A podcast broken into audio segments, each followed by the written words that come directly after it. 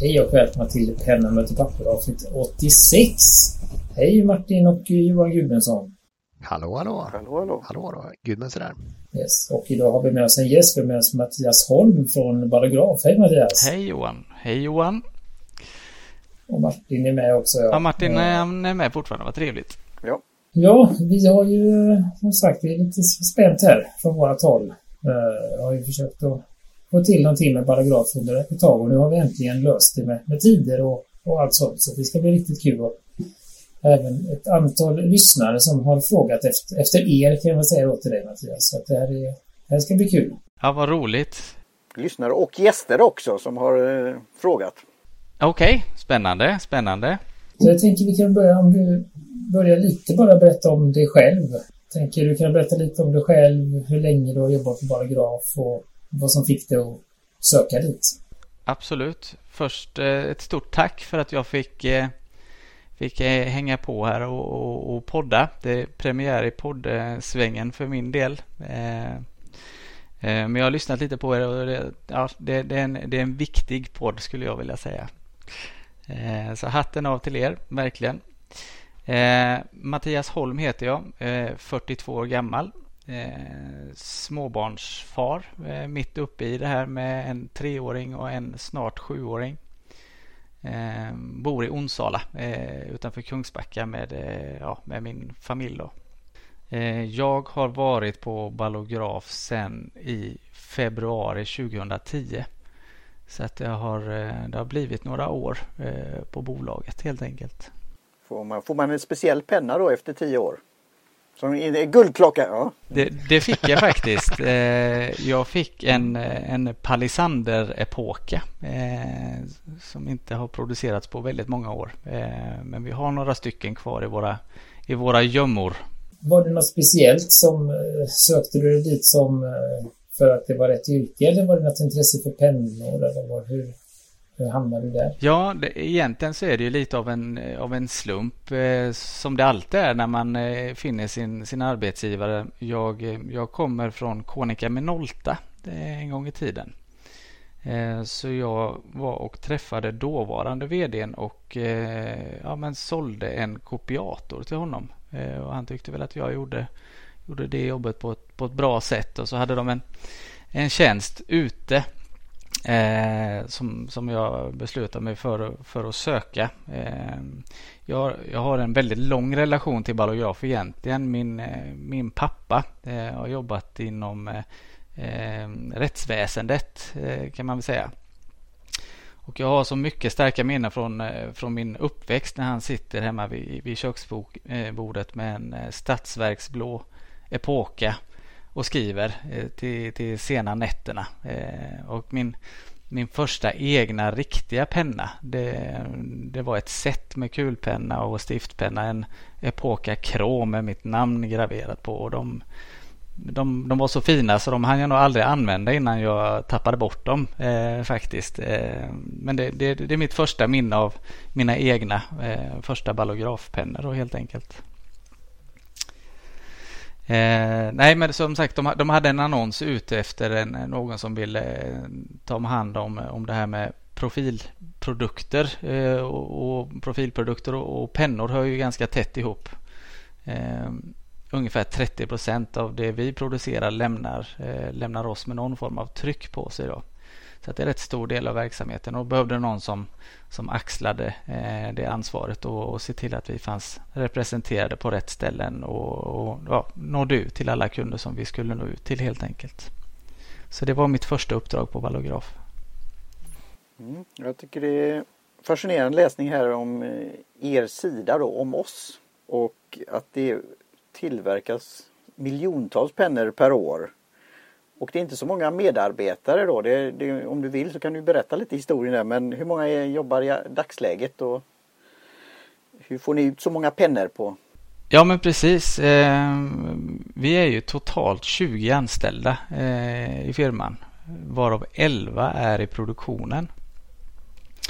Och det är klart, ska man ha ut 4 miljoner pennor eh, lite drygt om året så då får man, skruva, får man vara flink i fingrarna för att kunna skruva det.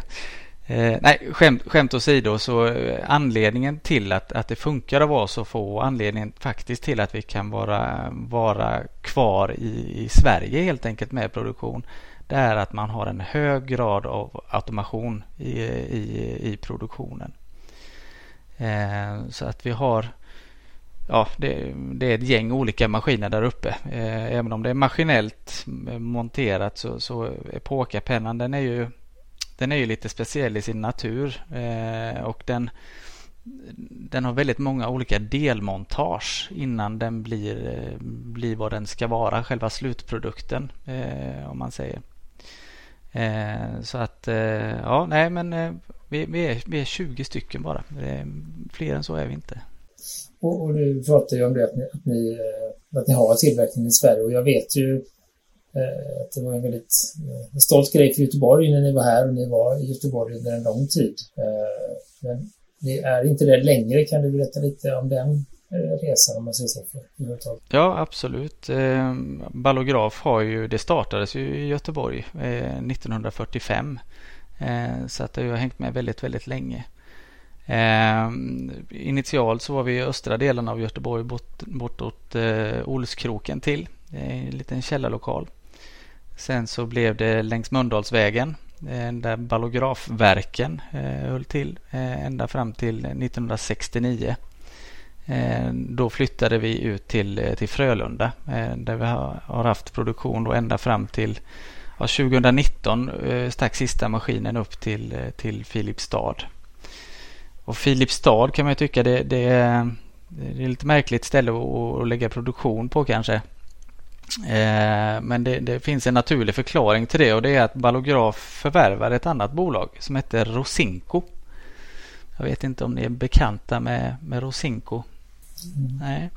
Pelikan känner ni till? Oh ja, oh ja. ja. Eh, då ska jag backa bandet lite till. Eh, innan eh, Pelikan så fanns det ett bolag som hette Rosendals Bläckindustrier. Eh, som var bläckproducenter helt enkelt. Höll till i Filipstad. Eh, köptes upp utav Pelikan. Eh, som drev detta då under, under eh, ganska många år. Ehm, och eh, ja, till slut så fick eh, Pelikan nog och eh, ville, ville avyttra detta och då fick dåvarande produktionschefen där uppe eh, frågan om han ville köpa ut bolaget och då ville han och startade sedermera Rosinko. Eh, och detta bolaget förvärvade då Ballograf 2009 och där uppe gör vi våra eh, tuschpennor, alltså whiteboardpennor, highlighters, markers. Eh, en helt världsunik produktionsprocess som är patenterad där man gör en en pennkropp av återvunnet papper eh, som man ja, spinner eller man ska säga då vaxar med naturvax på, på insidan och så vidare. Eh, för att få en, ja, en produkt som, nu ska jag inte säga att den är ätbar men mer eller mindre ätbar. Eh, eh den är, det, det, är en fantastisk produkt. Eh, den fastigheten äger vi där uppe eh, i Filipstad och då eh, fanns det möjlighet för oss att flytta upp eh, produktionen dit. Samtidigt så har vi då släppt delar av tillverkningen innan så formsprutade vi alla plastdetaljer till exempel. Vi svarvade alla metalldetaljer och så vidare inhouse i vår fastighet i Göteborg. Nu har vi lagt ut delar av den här komponenttillverkningen på underleverantörer då, eh, i Sverige. Eh, så att nu är det Patronen görs i sin helhet uppe i Filipstad eh, och eh, sen så är det ju då eh, montaget som sker uppe i Filipstad så att så ser det ut. Och eh, jag vet att jag eh, körde förbi, eh, ni hade ju något kontor vid eh, radiomotet eller någonting i Göteborg. Eh, det stod barograf och sen helt plötsligt så stod det BIC på den skylten. Eh, så att eh, det var, eh, jag tänkte, var en ägdes ni av BIC eller vad hände där en kort stund? Ja, precis. Den längsta perioden i Ballografs historia har vi faktiskt varit i BIC-sfären. Från 1959 till 2004 så var Ballograf en del av franska BIC. Och det som hände där det var att ja, Ballograf passar inte riktigt in i, i BICs koncept. BIC är ju mycket engångsartiklar. Det är fokus på att det ska vara lågprisprodukter och så vidare. Och man hade liksom problem med att, få ut ballograf utanför Sverige för här var det ju väldigt känt och det, liksom, det tuggade på riktigt, riktigt bra. Men att få igång det nere i Frankrike och Tyskland och, och övriga marknader då, det, det, det lyckades de inte med. Så att då fick eh, dåvarande Nordenchefen för, eh, för BIC eh, ett, han, fick frågan helt enkelt hur, hur, gör vi här nu? Antingen så, så köper du ballograf och, och, driver det vidare eller så lägger vi ner det. Så då gick han till sin, sin gode vän Tommy Kvist och frågade ska vi, ska vi köra vidare med, med ballograf här eller vad gör vi? Och det, ja, resten är historia. Det är, det är Jan Johansson och Tommy Kvist som äger bolaget än idag. Nej, och du, du, du pratade ju lite om äh, din nyligen försäljningen och att den har liksom, det är ju ett välkänt märke i Sverige. Äh, men det är ju också så att Sverige är ju ett, där det är ganska lågt intresse för kvalitetsprodukter, inte kvalitetsprodukter, men, men just på pennsidan, så just där, där är det mycket det är mycket reklampennor och plastpennor och vad man nu hittar runt på kontoret. Hur, liksom, hur, är, hur är miljön eller hur är det att sälja i, i Sverige? Det, det, är en, det är en väldigt sund iakttagelse du har gjort där Johan. Det, det, är det, det är det där vi brottas med dag efter annan.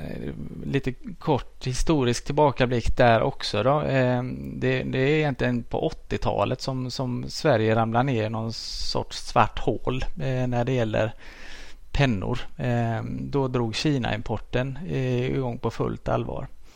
Eh, och eh, under stora delar, nu, nu har jag inga dagsfärska siffror, men Sverige har varit det land under lång, lång tid som har störst import av billiga, inom citationstecken, skräppennor per capita i världen. Eh, man har alltså prioriterat kvantitet före kvalitet Eh, vilket är den diametrala motsatsen mot vad, vad ballograf står för. Eh, vi hävdar ju att det är väldigt, väldigt stor eh, kvalitet eh, i det vi gör. Och det räcker egentligen med att, att, att gå över, eh, gå eller ta båten över till sundet i Danmark. Eh, så har du ett land som är ungefär hälften så stort som Sverige. Men pennmarknaden, alltså värdet på alla de pennor som säljs där Eh, under ett år är ungefär dubbelt så stor som i Sverige. Så att de spenderar alltså dubbelt så mycket pengar per penna eh, än vad du gör i, i Sverige. Då. Så att eh, ja, nej, vi, vi gör ju vad vi kan för att få upp medvetenheten kring att liksom en penna är mer än bara någon, någonting som kan få lite bläck och fästa på ett papper. Det ska vara något behagligt att skriva med. Den, den, den, den har liksom en vi är för dåliga kravställare som, eh, som konsumenter helt enkelt. Vi, vi accepterar att skriva med vad som helst mer eller mindre. Och det är legitim, legitimt att stjäla pennor från sin arbetsgivare mer eller mindre. Det är ingen som kommer att haffa dig för att du har varit i kontorsskåpet och tagit tre extra pennor för frugan behövde någon och barnet ville ha någon. Det, det är helt okej okay att göra det i, i Sverige. Så fungerar det ju inte på andra ställen runt om i Europa utan där har du med dig din egen penna till en arbetsplats. Så har du ingen penna, eh, då får du väl gå och köpa en ny då. Eh, så att vi, vi, vi är bortskämda med att det alltid finns pennor. Det är inget man har behövt reflektera över. Fast för reflektion, så är det egentligen Kina-pennorna som säljs till kund, alltså direkt i pappersaffären? För där tycker jag ändå en viss standard så att säga. Det är liksom ballografer, pilot och lite sådana här äh, riktiga pennor. Utan snarast tycker jag alla reklampennor verkar vara liksom den lite billigare sorten. Där har du ju den stora, en väldigt stor volym som går ut eh, på reklampennesidan. Jag delar din uppfattning där om att går du till, till de bra butikerna så vill ju de hellre sälja varumärkta pennor eh, såklart. Eh, bland annat om du, du räknade upp där. Men det finns fortfarande en hel del eh, mindre, mindre lyckade exemplar där ute Mattias, då har du en potential här då. Vi får försöka sen eh, connecta dig med en del inom eh, presentreklamsartiklar.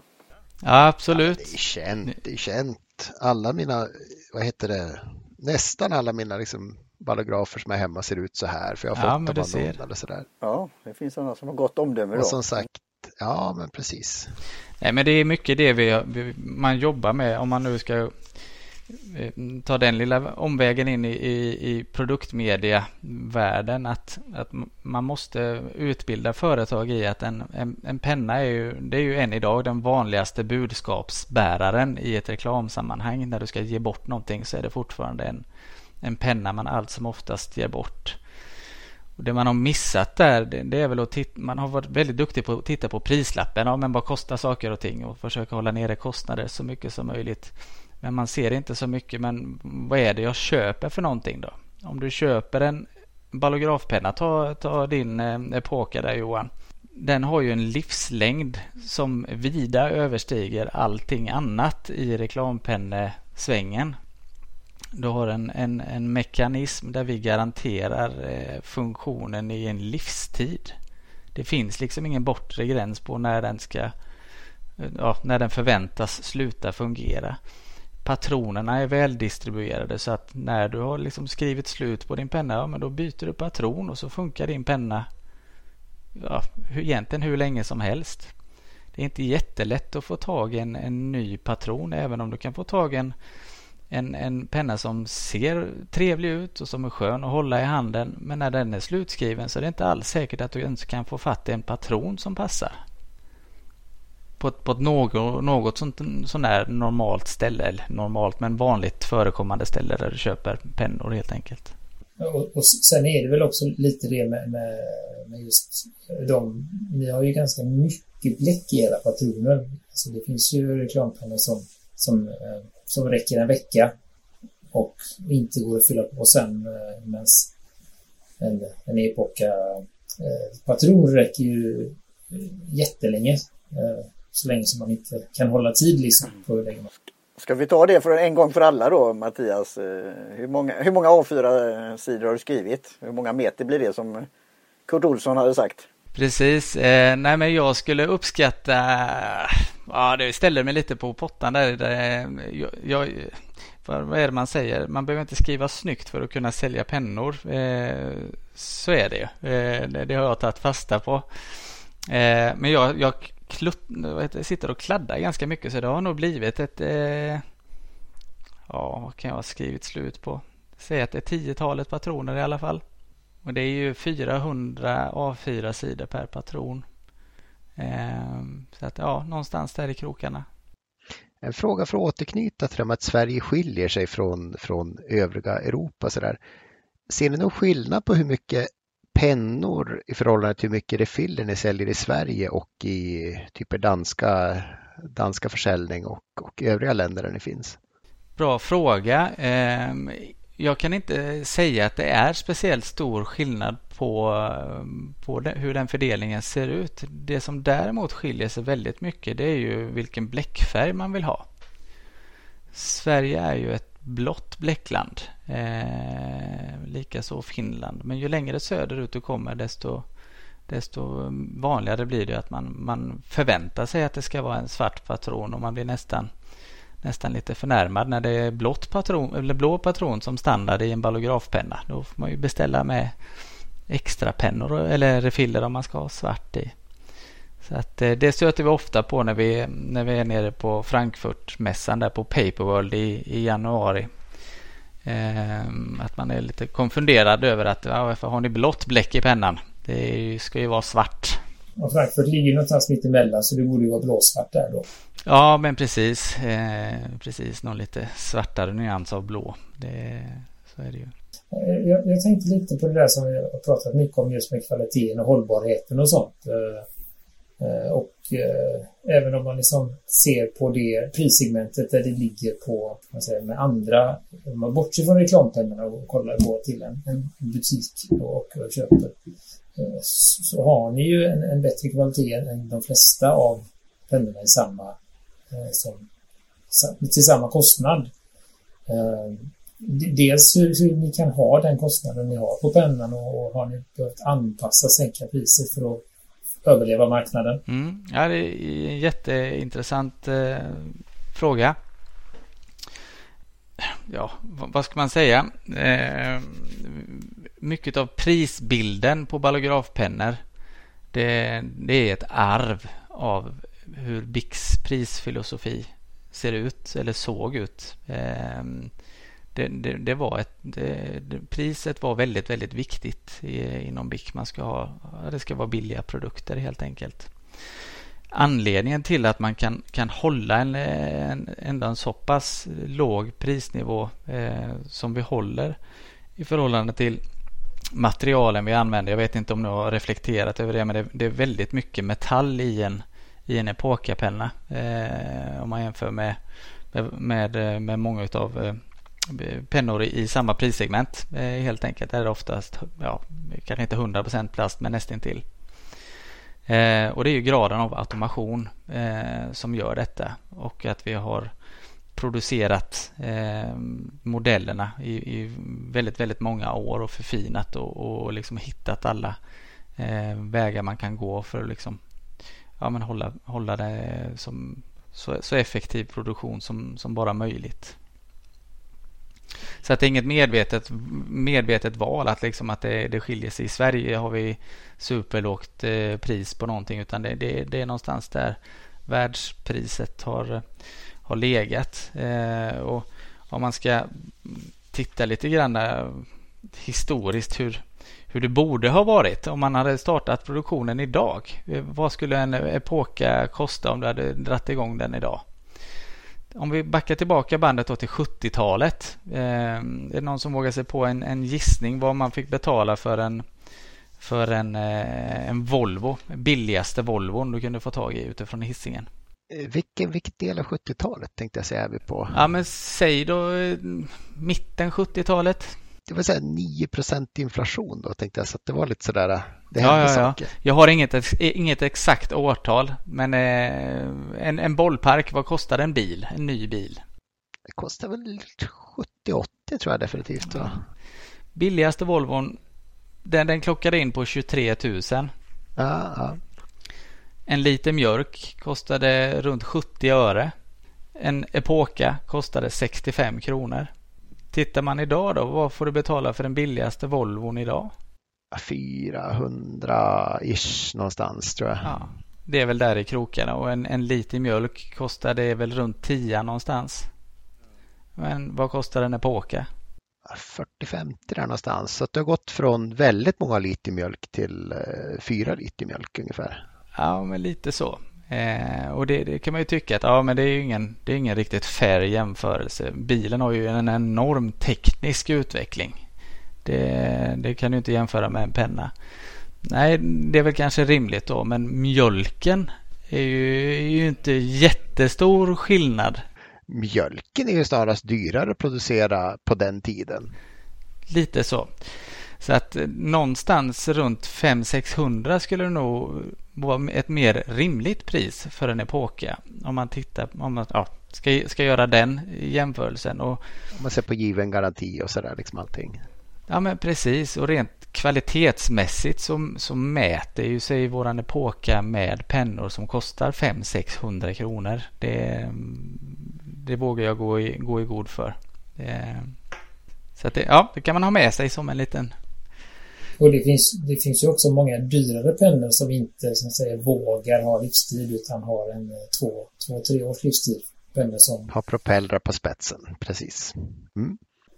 Över tusenlappen. Eh, Absolut. Så det är ju ett, eh, ett fåtal märken som, som vågar gå ut med livstidsgaranti. Ja, men så är det ju. Sen ska jag inte säga att, att vi blir fullständigt överösta med reklamationsärenden. Eh, det blir vi verkligen inte, men det ramlar in några stycken per år och då vi reparerar ju väldigt många av de där. Eh, för det, det, är ofta affektionsvärden i dem. Det är någon som har ärvt det av sån, någon farmor eller farfar eller något sånt där. Man vill ha den. Den är, har fått patina. Den är lite, lite ja, man ser, ser att den är använd helt enkelt. De, så de, till och med till och med efter ursprungliga ägaren har dött så har livstidsgarantin stannar den kvar. Liksom. Ja, alltså vi har ju det aldrig någonsin... Det är bättre nästan. Ja. Vi har ju aldrig någonsin nekat någon en, eh, en, eh, en garantiåtgärd och det, det man garanterar det är ju fun funktionen på mekanismen. Skulle du ha otur och råka backa över din epoka så att den är helt platt då kan man inte åberopa garantin. Det, det är inte att betrakta som en, en normal användning. Det, det, är det faktiskt inte. Mattias, här har du många, vad ska man säga, eh, mycket material för eh, bloggposter. Och annat när det gäller nya medier. Vi kan prata mer om det sen. Så hur är det, det senaste bloggposten? Vad har du fått för reaktioner? För det, den såg vi ju då eh, spridas på LinkedIn. Mm. Att, eh, hur väljer du din penna? Jag, jag ska vara ärlig. Jag, jag har ju liksom Ja, jag hade under väldigt, väldigt lång tid eh, glömt bort mitt lösenord till LinkedIn. Eh, så att det, det, har jag inte varit eh, superaktiv. Eh, nu har jag hittat tillbaka igen och det är roligt.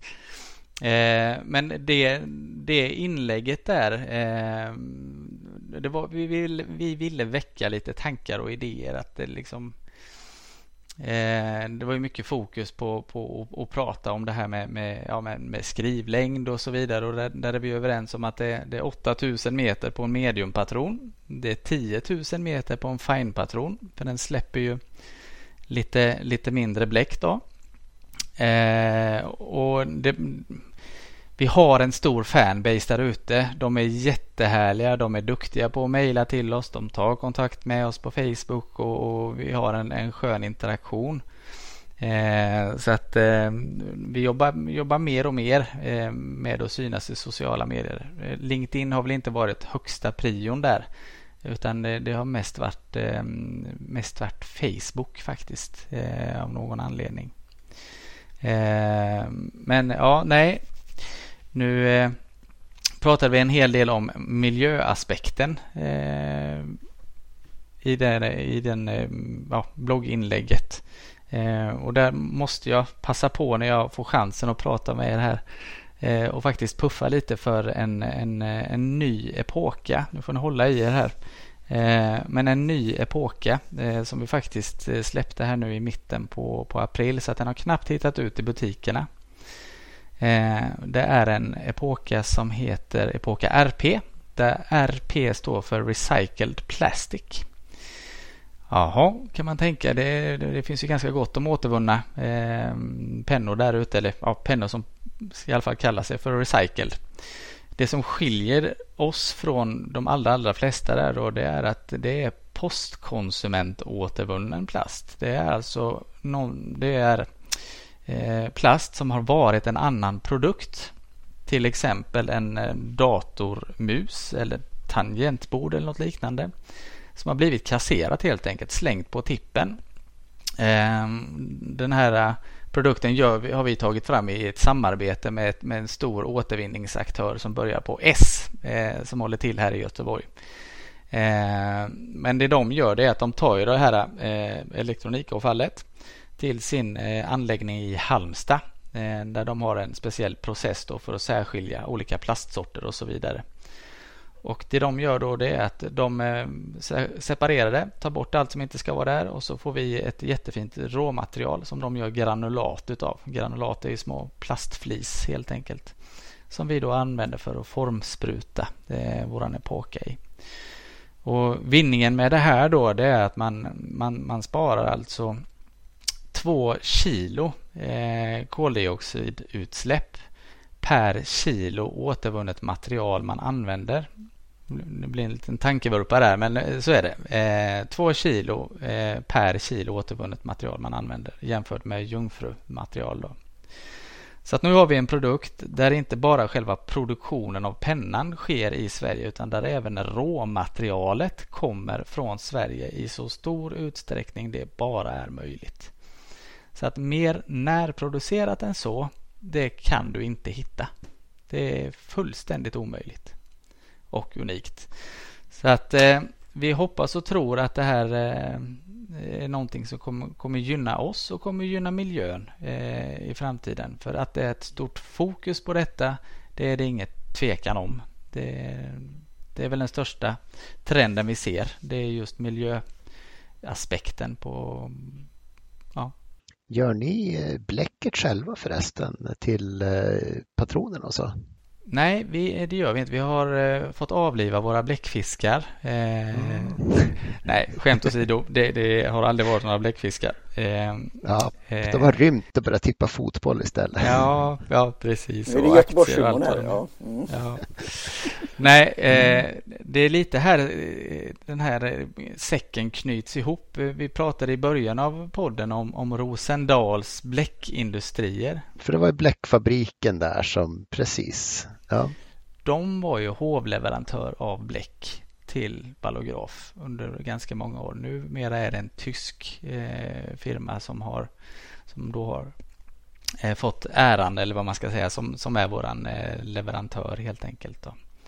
Eh, och det är ett speciellt bläck eh, som vi använder. Eh, vi är en av väldigt få aktörer som är eh, certifierade eh, Svenskt arkiv.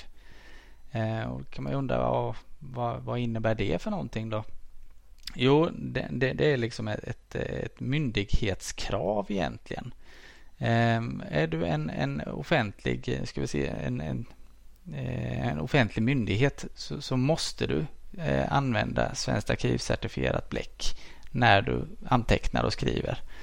Du måste använda rätt typ av papper också och du måste arkivera det på ett korrekt sätt. Men det är den absolut högsta standarden på bläck när det gäller arkivbeständighet.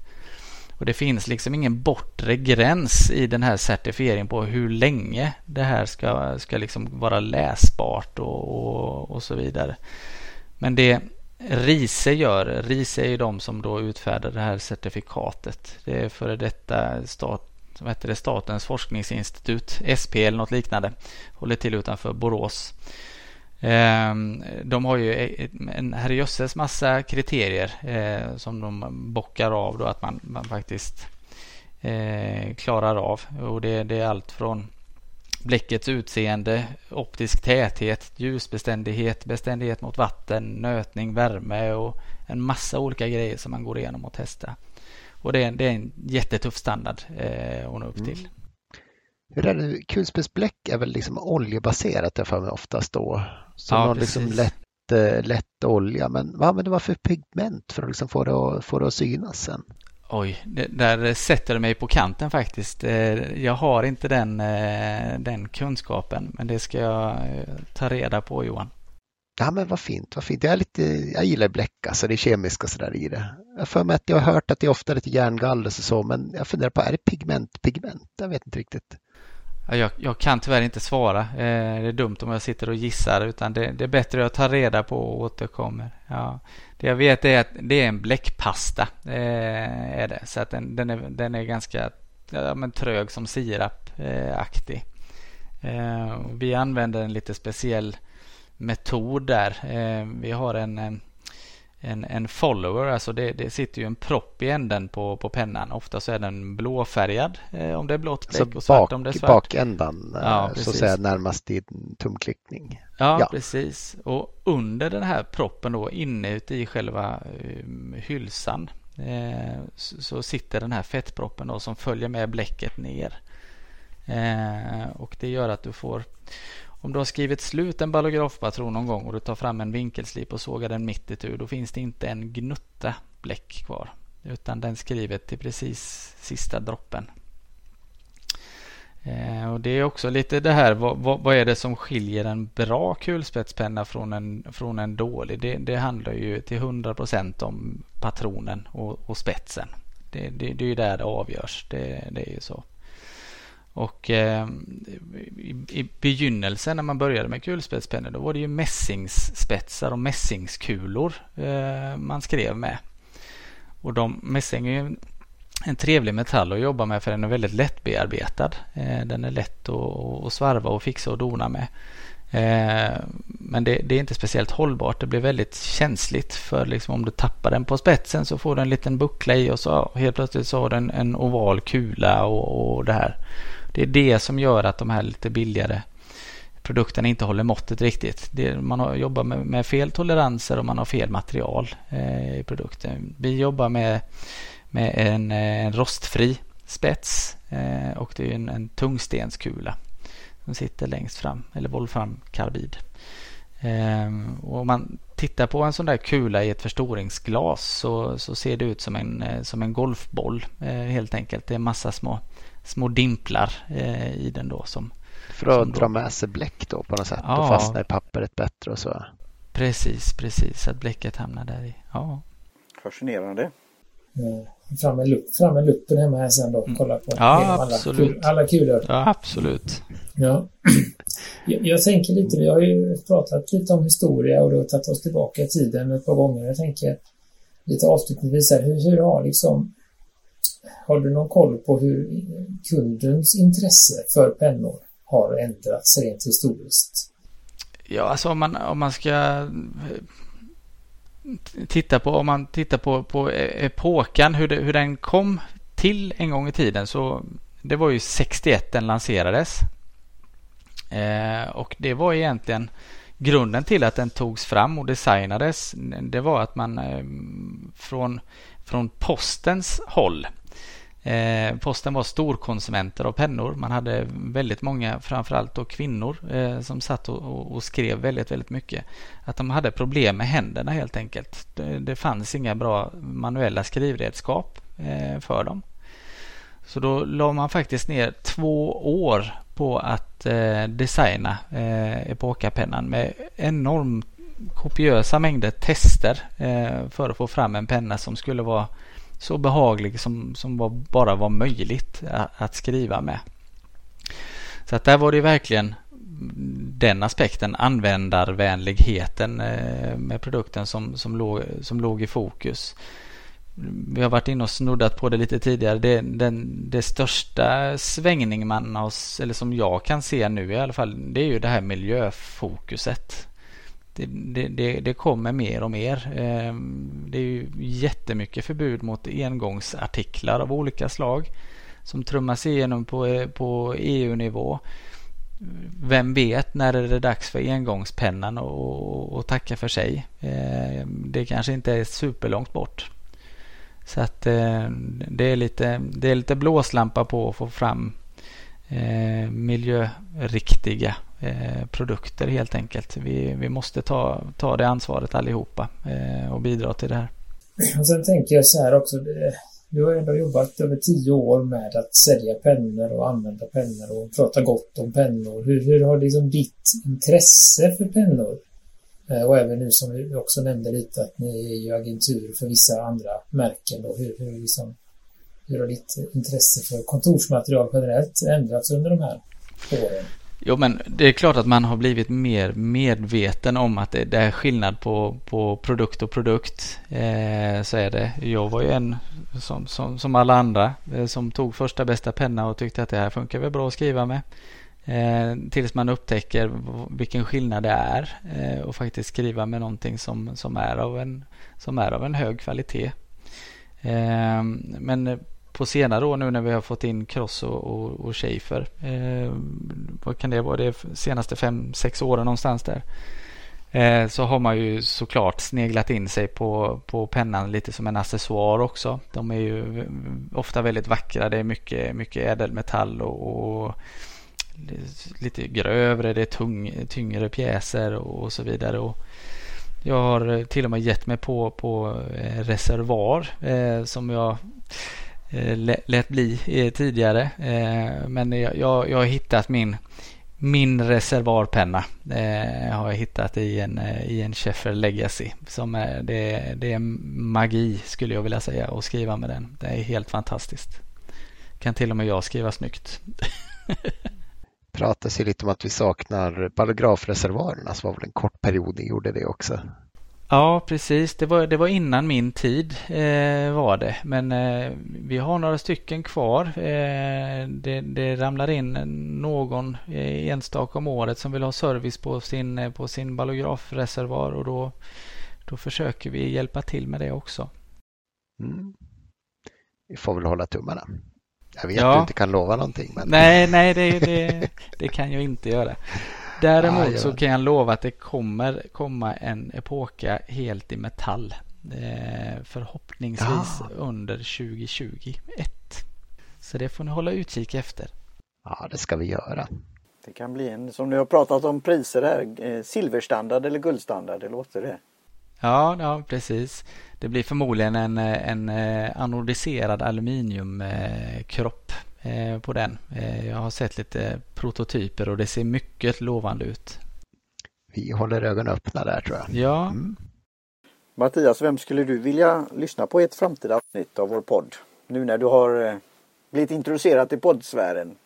Ni hade ju skrivit en bloggpost om någon poddare tidigare som skrev författare tror jag. Mm.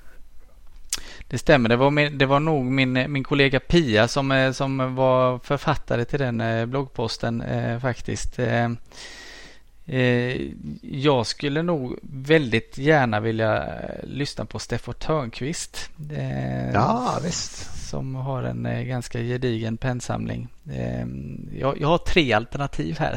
Som jag, ni kan få välja vem ni vill. Ja. Har, du, har du kontakterna också? ja, jag kan, Steffo kan bli lite lurig, men de andra kan nog hjälpa till med tror jag. Eh, nej, skämt åsido, men eh, Steffo hade varit jättekul såklart, även om det är, jag förstår om inte det blir helt, helt lätt att, eh, att få fatt i honom. Eh, det finns en, en, eh, en reservoarpennedesigner. Han är bosatt i, i, USA men han heter David Oskarsson. Eh, jag vet inte om ni är bekant med honom? Ja, ja. Han, han var och hälsade på oss i, på Paperworld eh, och berömde oss för våra fantastiska kulpennor. Så hade han med sig sina något dyrare eh, skapelser. Eh, det, det, var ju fantastiskt. Det har varit kul att höra lite mer historien bakom hur, eh, hur han jobbar. Det hade varit jätteintressant. Mm. När, när kommer Oskarssons epoker? Ja, det kan, det kan man undra. Det är en sån cliffhanger, det får ja. vi se. Vet, vet om du hörde det, men vi hade ett löpande skämt om att jag skulle gravera en eh, epoka till någon vinnare i någon tävling här. Men jag har inte fått, eh, jag har inte fått tummen ur och börjat drämla på här. Nej, nej, nej, just det, just det. Mm. Eh, ja, nej, annars, annars, så, ja. oh.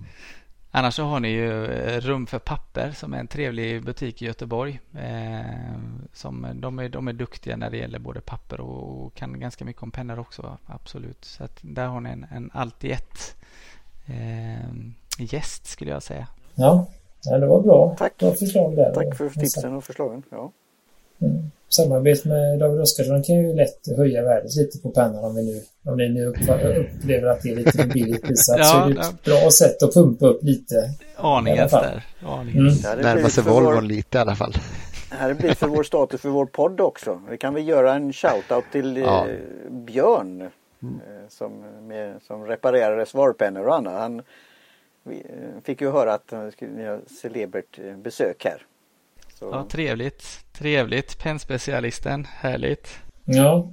ja, han pratade gott om, om paragraf och säger också ja, men just att han, han, jag tycker om hans definition av, av kvalitetspenna. Det är ju att, att, att det finns en, en, en refill helt enkelt. En bra refill till pennan. Det gör att, att man, det blir en kvalitetspenna. Att det är ganska bra lägsta standard att ha. Sen finns det ju andra aspekter som man kan bygga vidare på, men det här är liksom minimum instegs, instegsnivån för att tillverka en, en kvalitetspenna det att man ska ha en refill, en vettig refill att byta med. Absolut, håller med. Gott att höra. Eh, och eh, ballograf i cyberrymden. Nu vet vi ju att du har loggat in på LinkedIn då så där kan man ja. kontakta dig. Men eh, ja, absolut. Ballograf och man hittar oss antingen på eh, ja, ballograf.se eh, såklart. Eh, men vi finns på, på Facebook och Instagram och numera då också LinkedIn. Så där är man hjärtligt välkommen att ta kontakt med oss om det är några spörsmål eller, eller, eller liknande. Ja, nej, men det här var ju ja, det var ett trevligt samtal Mattias. Vi tackar för det och hoppas att vi kan, att vi kan ta det tid fram igenom här på övriga frågor vi, vi har funderat på. Ja, det är jag som ska tacka att jag att jag fick komma och hälsa på här. Då kan vi se om, om någon av lyssnarna har någon fråga så kan ni skicka in dem till oss och så kan vi förmedla dem till, till Mattias i ett, en eventuell uppföljning.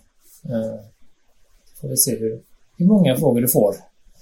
Helt enkelt. Um, så att, nej, men jag tänker vi avslutar för idag. Uh, vi tackar igen Mattias. Uh, vi tackar Jim Johnson för våran jingel och vi tackar Karin Backanic Olsson för våran logotyp. Och vi finns på pennamotorpapper.com och Facebook och Instagram och allt sånt där också. Så att, eh, tack för att ni lyssnade till eh, idag så hörs vi om ett tag igen. Hej hej. Mm. Hej. hej tack. Hej.